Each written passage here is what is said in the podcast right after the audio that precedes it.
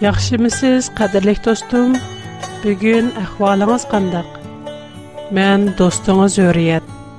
Исол соғатлар программамызда аңлыгыныңызда сиз Худанын сөзүдөн мамнун боло аласыз. Келең достум, программамыз сизге Худанын хакыйкы мухаббетин жеткизип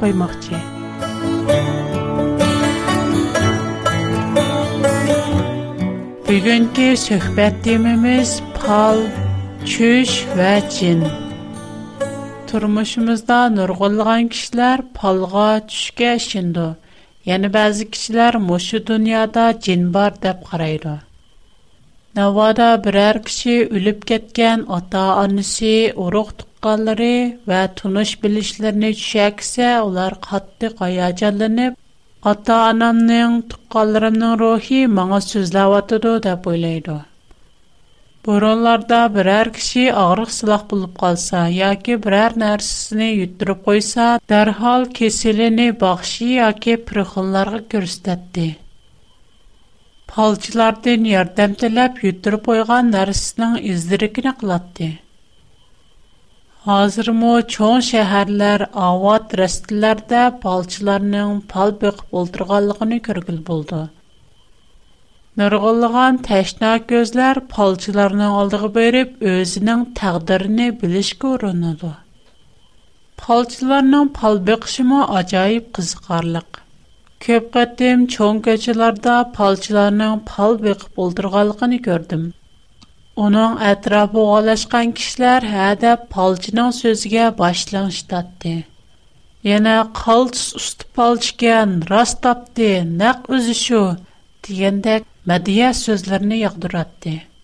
Bəlkəm köpçilik dostlarım, palbəqşinin nədimi xatır bulsun, baxşı pırxınları görünüşdən qançlik xatır bulmaqçı edəb oylışı mümkün. Əlbəttə, bunların əmisi naiti xətərlik. Pal baktırış, pal içiş, bakışı pırkın oynaş, hemisi günah. Müqəddəs kitab Təvrat, Zəbur, İncildə pal içişinin günah ikənligi. Bəzidə baxşı, pürxun, rəmcilərinin yaman ruhlar, yəni şeytan tərəfindən mədəd aldığanlığı eniq aytılğan. Quran-Kərimdə mə pal içiş çəklənən. 5-ci surə Maidə 3-cü ayət. Əzlam bilən pal silişinlər haram qılındı. Bu günahdır. 90-cı ayət. Ey möminlər, Арақ içiş, қымар ойнаш, бұтларға чоқыныш, пал оқлары білән пал сіліш шейтанның іші. Паскынақлықлардыр. Бәқітке ерішшіңлар үшін шейтанның ішеден ерақ бұлыңлар. Әгер маңсам, Ölümge yakın ben Korkmayman hiç yamalıktın. Çünkü sen Rabbim benim bilen Hayatlık yolun sen iken Haddimiz Huda Rabbim sen Eysan Teçleri mukaddes Tüvəndə nim üçün pal baxdırış, rəmçiyi görünüşdən xətərlik ikənligini müqəddəs kitab Tavratdakı mono xatırlardan görüb baxaylı. Саулның рәмчи хутынга мөрәҗәт кылганлыгы. Узын үтмәй филистилар кошынны җигеп Исраилларга каршы җан кылды. Самуил вапат булган иде. Исраиллар уныңга матәм тутып, йөртти Рамамага дәпнә кылды. Саул илгире бүтән палчылар ва рәмчиләрне Исраилиядән чыгып кетишкә мәҗбүрлыгын иде. Филистийларның қошулари Шунэм шэхэрның атрапығы үйгіліп баргах қурди. Саул Исраилларны топлап, кел ода баргах қурди. Филистийларның қошунины көрген Саул интайын қургуп, Парвардигардың қанда қылыш кереклікіні сөриди. Леген Парвардигар уныңға чуш білян му, Орын білян му, пайғамбарлар Саул хизмәткәрләргә: "Бер рәмч хутын тәп киләңләр, уныңдан сорап акай", дип әмер кылды. "Эндурада бер рәмч хутын бар", дип җавап биришти хизмәткәрләр. Саул қияптын өзгәртіп, киімлеріні еңгішіліп, қаранғы түшкенден кен ішкі кішіні еніғі іліп, аялның аялының еніғі Саул уныңға, «Әруақларыңды сорап бүкіп, бұндың кейін бұлдыған ішларыны маңа етіп бәр. Мән бір кішінің ісіміне айтай. Сән оның рухіні чақырғын. Еліқі аял. Падыша Саулның немі қылғалықыны өзіңіз білсіз. О, палчылар білән бақшыларыны Исраилиядың чықып кетішке мәжбір қылған тұрса. Немишка моңа зянкәшті қылып, женімға заман болсыз, деді. Саул оныңға қасам қылып, мәңгі аят пәрвердігара қыда қасам қылымен ке, сән бұ үшің білән әргіз жазаланмайсан. Сізге кемне чақырып рай? Дәп сөреді аял. «Самуилни!» үліні. Аял Само үліні көргені дә құрқынеден Мені немішқа мәсқірі қылысыз. сез падиша сауылғы? Деді. Падиша Саул аялға. Қорқма, немі көрдің? Дәп сөріде. Илахтәк бір затның ердін чыққынны көрдім. Дәп жауап бәрді аял. Оның қияпты қандақ кен. Узун пәрежге валған бір бовай чықты. Саул оның Самоил икәлгені білі бөрмәт білән ерге баш қойды. Самоил Саулдын. Мені авар қылып, немеге чақырдың? Дәп сөриді. Саул оныңға. Бешімға чоң палакет келді. Филистилар маңа қаршы жән қылмақчы. Худа болса, мені ташлы Бу әмди моңа пәйгамбәрләр аркылыкмы, чүш аркылыкмы җавап бермәйде. Шуңа мен қанда қылшым кереклікіне әйтіп бәрсін деп, өздеріне чақырдым, деді. Пәрвердігар, сені ташлы өттіп, дүшмінің болып қалған болса, мені ененім үшін чақырдың? Пәрвердігар, қылғаларыны – Сыңа минең егызым белән яткізген о падишалықыңны Аллах қачан тартуылып, Давыдқы тапшырды. Чөнкі сән пәрвердігарның әміріге қылаплық қылып, амалекләрні вә оларның бар юқыны пүтілі юқатмедің. Шыңа пәрвердігар сыңа мұшындақ муамыла қылды. О сіні вә Исраилларны филистиларға тапшырып бұрыды. Ətə sən və oğulların mən bilən bir yerdə bulsuzlar. Pərverdigar İsraillərinin qoşununu Filistinlərin qulağa ötküzüb verdi. Dedi Samuel. Saul qızalanğandan keyin şu keçilər yürüb getdi. Filistinlər bütün qoşununu Affəkkə topladı. İsraillər bolsa bizə el cilğisdiki östəğinin boyunda bargah qurdu. Шунаqлып Саул кол астыдекіләрне алып, әтсез шәһәрдә юлға чыгып, Филистиялар диярыга кайтып geldi. Филистиялар бизә илгә карап юрыштың тәвамлаштырды. Филистиялар Исраиллар белән Гилбоа тәгыдә җан кылшты. Дөреген Исраиллар кырылып, калгылары кичәп кетти. Филистиялар Саул ва аның огылларын коглап ятшылып oğulları Юнаттан, Abinadab, Malqı şu alarını Саулның etdi. кәскен ətrafında kəskin can bulub, onunğa düşmənin oxu digib eğir yerlandı. O, quralını götürdüğən növkərəgə. Qılıçını elib, məni öldürüb et. Şundaq bulğanda «Мені хорлап, найзлап өлтір алмайду», деде. Некен нөвкері интайын тайын қорхоп, онда қылышка қулу бар Шуңа Саул өз қылчыни суғыр өліп, өзіни қылышның бесігташлап өліу алды. Саулның өлгені көрген нөвкер му өзіни қылышның бесігташлап өліу өліп, Саул білям билла қурбан болды. Saul uning uch o'g'li va bosh navkarining o'limi mana shundoq bo'ldi. U kuni Saulning qo'shini butunlay halok bo'ldi. Yuqorida men Tavrat Samuelning 1-kitobi 28-29 boblarni o'qib o'tdim. Bu boblarning tarixiy orqa ko'rinishi mundaq. İsraillar Musa peyğəmbərinin yetəkçiligində Misirdən çıxandan kən çöldəşlərdə bir məzgil sərgərdan olub yurdi. Musa peyğəmbər ölüb getgəndən kən onun yardımçısı Yaşu peyğəmbər Xudanın yetəkçiligində ətrafdakı yerlərdən zimin ekanladı. O çağlarda İsraillərinin padişahı yox olub, ular təxi birlik gələn dövlət emas idi. Худа шәхсән үзе уларга пәйгамбәрләр яки үзе танлаган кешеләр аркылы бевасита итәкчелек кылатты. İsraillər Musa və Yəşi peyğəmbərdən keyinki 200 il məbəyində hakimlər dövrünə qədəm qoydu. Xuda peyğəmbərlər və batırlarını tanlab, onlara hakim buluşqa əvətdi. Худа өзі Аллахиды талған бұ қавимге шәқсән өзі етәкчілік қылды.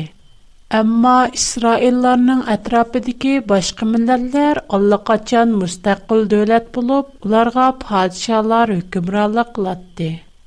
Samuil payg'ambar Xudoga vakolatan Isroillarni idora qilib, ularga hokim bo'lib turgan mazgillarda Isroillar atrofidagi millatlarga, davlatlarga qarab, o'zlariga bir podshoh tiklab, davlat qurishni orzu qildi. Shuning bilan Xudo Isroillarning orzusini olib, Samuil payg'ambarga Saulni Isroillarning podshohi qilib tiklashni buyurdi. Саул İsraillərinin padişahı bolğandan kən Xudanın əmrinə itaat qılmay əğir günah ötküzdi. Keyin Xuda Samuel peyğəmbərə özünün Davudni Saulun orniga İsraillərinin padişahı qılıb tanlığanlığını aytdı. Bunun bilan Саул Davud peyğəmbərni öldürməkçi boldi. Uzun ötməy Samuel peyğəmbər aləmdən ötdi. Saul yordamsiz qolgan paytda yana bir qatim noyati eg'ir gunohqa botdi. Ayni chog'da Xudo Musa payg'ambar va uningdan keyingi payg'ambarlar orqali İsrailiyadagi barlıq Baxşida xan Rəmz Zehriger palçılarının hamısını qoğlab çıxırışını, birinimi tiri qaldırmaslıqını uxturğan idi.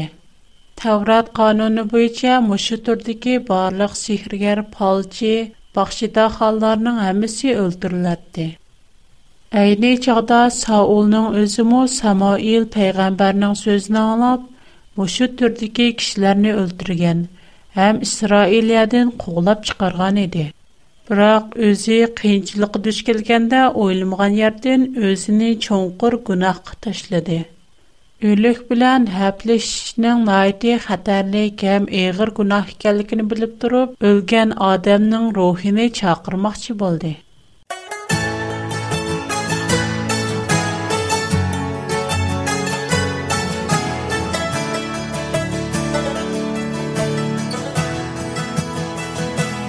Secde kılın ben,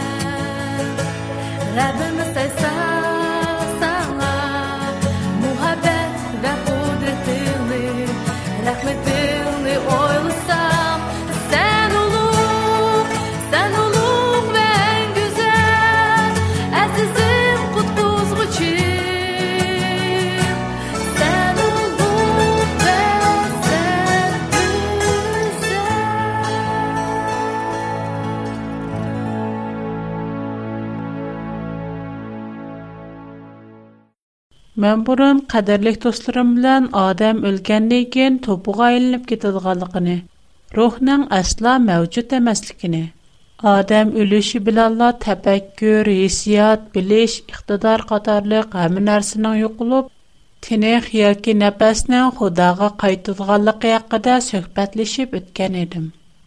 Бүгінгі сөһбәтебез дә бу нуктаны яңа тәкътиләп Mən vay oxub ötən hekayədə əyliqi rəmçi ayal Samuel peyğəmbərinin ruhini çağırdı. Bu zadi qandaq iş. Ölgəndən kin ruh mövcud bolmasa, o ruh zadi nədən gəldi? Yana ruhun sözünün doğruluğu Saulun ölümü bilan isbatlandı. Köplügən kişilər bu dünyada cinnin mövcudluğuna işindi. Bəzi kişilər hətta özlərinin xali yerlərdə tənha, yalğız turğan vaxtlarda qaranğuda cinə yoluqqanlığını, cinni körgənligini etişidu. Cin toğurluq paran bolğanda kişilər daim cinni, vəhşi, bədbəşirə, sərt, kürümsüz, naiti qorxunçlu qılıb təsvirləyir. Turmuşumuzda cin toğurluq hekayələr az emas. Бұның ішінде кішіні қорқынышты салдыған кішілерге әң тұныштық болған хикаяларның бірі Қызыл өтікнің хикаясы болсы керек. Ондақта джин деген неме? Джин қандақ пайда болған? Biz qo'qidigan ham og'iz og'zimizga tegmay yomon so'zni qildigan jin amaliyotda shayton va uning farishtalaridir. Amaliyot o'liklar emas, Faqat şeytan ularning tiniga kirib, ularning rolida, ularning siyaqida bizga so'zlaydi, bizni ozdirdi. Buni qandoq bilamiz? Muqaddas kitob Tavrat, Yashaya kitobi 8-bob 19-oyat. Ba'zilar sizlarga palchi va sehrgarlarga murojaat qilishinglar. Яни ашу гыдын ва вечерлеган авызы белән сүпкәшлегәннәрнең сөзиге кулак сәлчәңләр кирәк, диде. Уларга мондак таңлар: "Бәндә özенең пәрвәрдигары Худага мураҗәгать кылмай, кандак мо терихләр үликларга мураҗәгать кылсын? Димәк, ва сиһригәрләрнең кылганнары интайын хата." Чөнки улар шейтан һәм уның ярдәмчеләргә таянган. Мушаһаят буенча безгә мөҗиза күрсәтүп үлгәннәрнең кыябет иде, безгә сөйз кылган дәл шейтан ва шейтанның ярдәмчеләре. Чөнки мүкъаддас китап Таврот Сулайманның фәнди нәсиһәтләре 9нче боп 5нче, 6нче аят. Үлеп-кеткәннәр эчтәмине белмәйди. ularga yana inom yo'qdir ular butunlay unutilib ketadi ularning muhabbat nafrat va hasratlarimi o'zlari bilan birga o'ladi degan musha oyat bo'yicha bo'lganda o'liklar hech nima qilolmaydi ularda yana hech qanday qobiliyat yo'q Шуңа палчы sehrgarlardan kelgan мөҗизләрнең hammasi amaliyotda shaytondan kelgan İncil Vəhilər 16-cı bab 14-cü ayət. Çünki bunlar möcüzələr göstərən cinlərin ruhları deydi. O kişilər etqandək aql parasət və güc qudratda insanlardan güclük. Hər xil möcüzələri yarata alaydı. O nəyiti çiraylı qör qiyafətində yasına alaydı. Həm bədbəşirə cin qiyafətinə girə alaydı. Çünki o əslində bir fərishtə. Əgər biz müqəddəs kitabqa qaraydigan bolsaq, şeytanın əslində nəhayəti qabiliyyətlik, farasətlik və çiraylıq fərishtə ikənligini görə biləyimiz. Tövəndə qadirlik dostlarımğa şeytan doğruluq etilgan ayətni oxub birəy. İzəkiyel kitabı 28-ci bab 12-ci ayətdən 17-ci ayət keçir. Сән камалет кеткен, ақыл парасетті тошқан, бүтінләй чирайлык едің. Сән үлгірі Худаның беғи Иран бағда әр хил яқытлар білән бізелген едің. Сән әхті сандықыны ептірдіған пәрешті кероп едің. Сіні Худаның мұқаддәс тегіға Сән яңы яртылғанда әмәлірің бүтінләй тоғыр еді. Кейінсінің Naehrli haqqaniyetsizliking ashkarlandi. Sen xodaga böktän qilganliging uchun seni xudoning teghidan qug'ulib yotdim. Sen chiroylik bo'lganliging uchun hakawrlik qildim. Ruxsaring bilan farosatlig'ni bulgiding. Men seni yerga tashlab yotdim.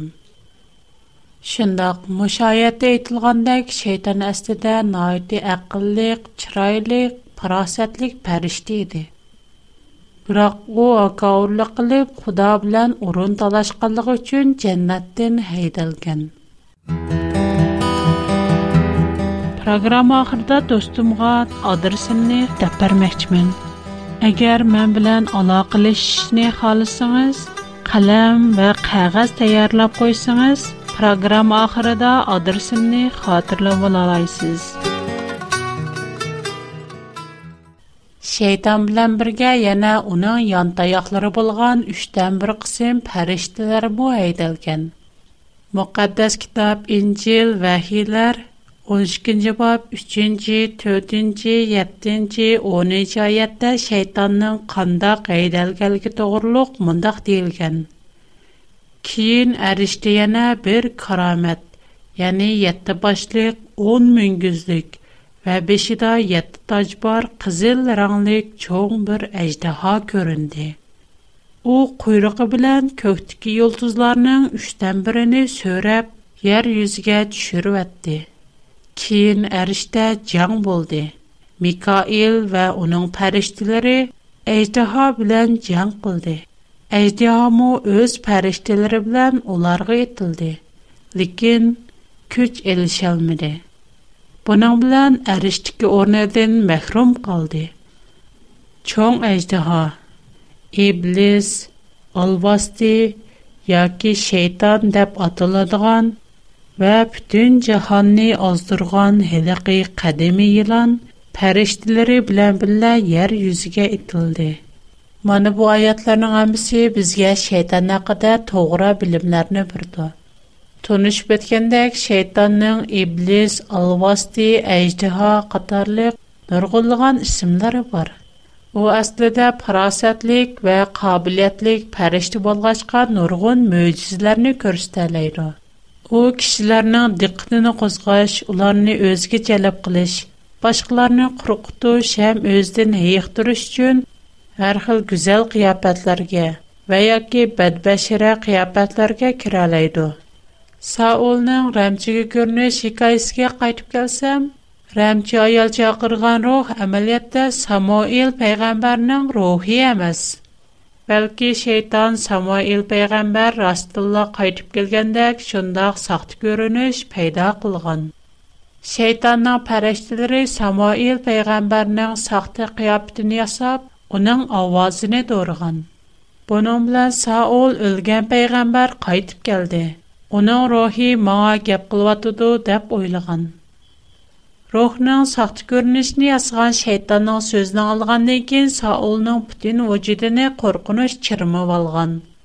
O şeytan etqan aşı sözlərə işəngənliyi üçün özünün ölüşüdən qatlıq ənsirgən. Cəng qılğanda cəngvarlığı düvəlləb diqqətini bir yerə yığalmay qılğan. Özü və özünün həyat qilişiga bolğan işənci yo'qolgan. Şunun bilan ko'zga ko'rinmas shaytonning so'zining ta'siridan Saul vasvasiga tushib, jangda jinidan mahrum qoldi. Mana bu atalmış ramchi so'zining isbotlanishi. Xudo insonlarga payg'ambarlar orqali va ba'zida tush orqali ogohlantirish berdi. Ammo tushlarning hammasi Xudodan kelmaydi. Ba'zida shayton odamlarning tushidan foydalanadi. Бу бәзидә төшүмезге кирип, үлеп кеткән урык тукканлар. Тунуш билешләремезнең кыяптыга кирип, безгә сөз кылса, яна бәзидә коркынычлык ва вахимлек күренешләрне пайда кылып, безне сарасымыга салды. Шуңа көп алларда түш кешенешме, худди палсылеш, бақшы көрініш көкшеш, найты хатарлик. Şeytan va uning farishtalari har xil har turli saxta ko'rinishlarni paydo qilib insonlarga xiyoliy tuyg'u berdi odamning tush ko'rishi bu bir sir odam yerib charchab ketganda tush ko'rishi mumkin xiyolni ko'p qilsa tush ko'rishi mumkin uxlash vaqtida tomoq yesimi tush ko'rishi mumkin ishqilib tush ko'rishning har xil ehtimolligi bor Muqaddas kitab Tavrat Sulaymanning pandi nasihatlari 5-ci bab 3-cü ayətdə mundaq deyilgan. Oy ko'p bo'lsa, tushida qora besishmi ko'p bo'ldi. To'la gap qilganning ahmoqligi so'zidan ma'lum bo'lib qoldi. Baxshi pirxollarga ko'rinish, pal ichib, sehrgarlik qilish, bularning hammasi yilon bilan o'ynashqanlik. Shayton dal Bizning tunja ijodimiz odam oti bilan havo onini Iran bog'dan haydab chiqargan qadimiy yilondir. Sulaymon payg'ambar sehrgarlik qilmaslik, baxshi pirxullarga ko'rinib shayton bilan o'ynashmaslik haqida Sulaymonning pandi nasihatlari 10-bob 11-oyatda mundaq degan: Yilon bilan o'ynashqanni yilon chaqqan tursa, yana qandoqmi yilon bilan o'ynasin. Bizning taqdirimiz hargiz baxshi piruxlarning qulida emas. Ular hargiz bizga hayotlik yo'limizni ko'rsatib berolmaydi. Ular yoki hamma ishni oldin bildigan, o'tgan ishlarni ko'rib tura oladigan iloh emas.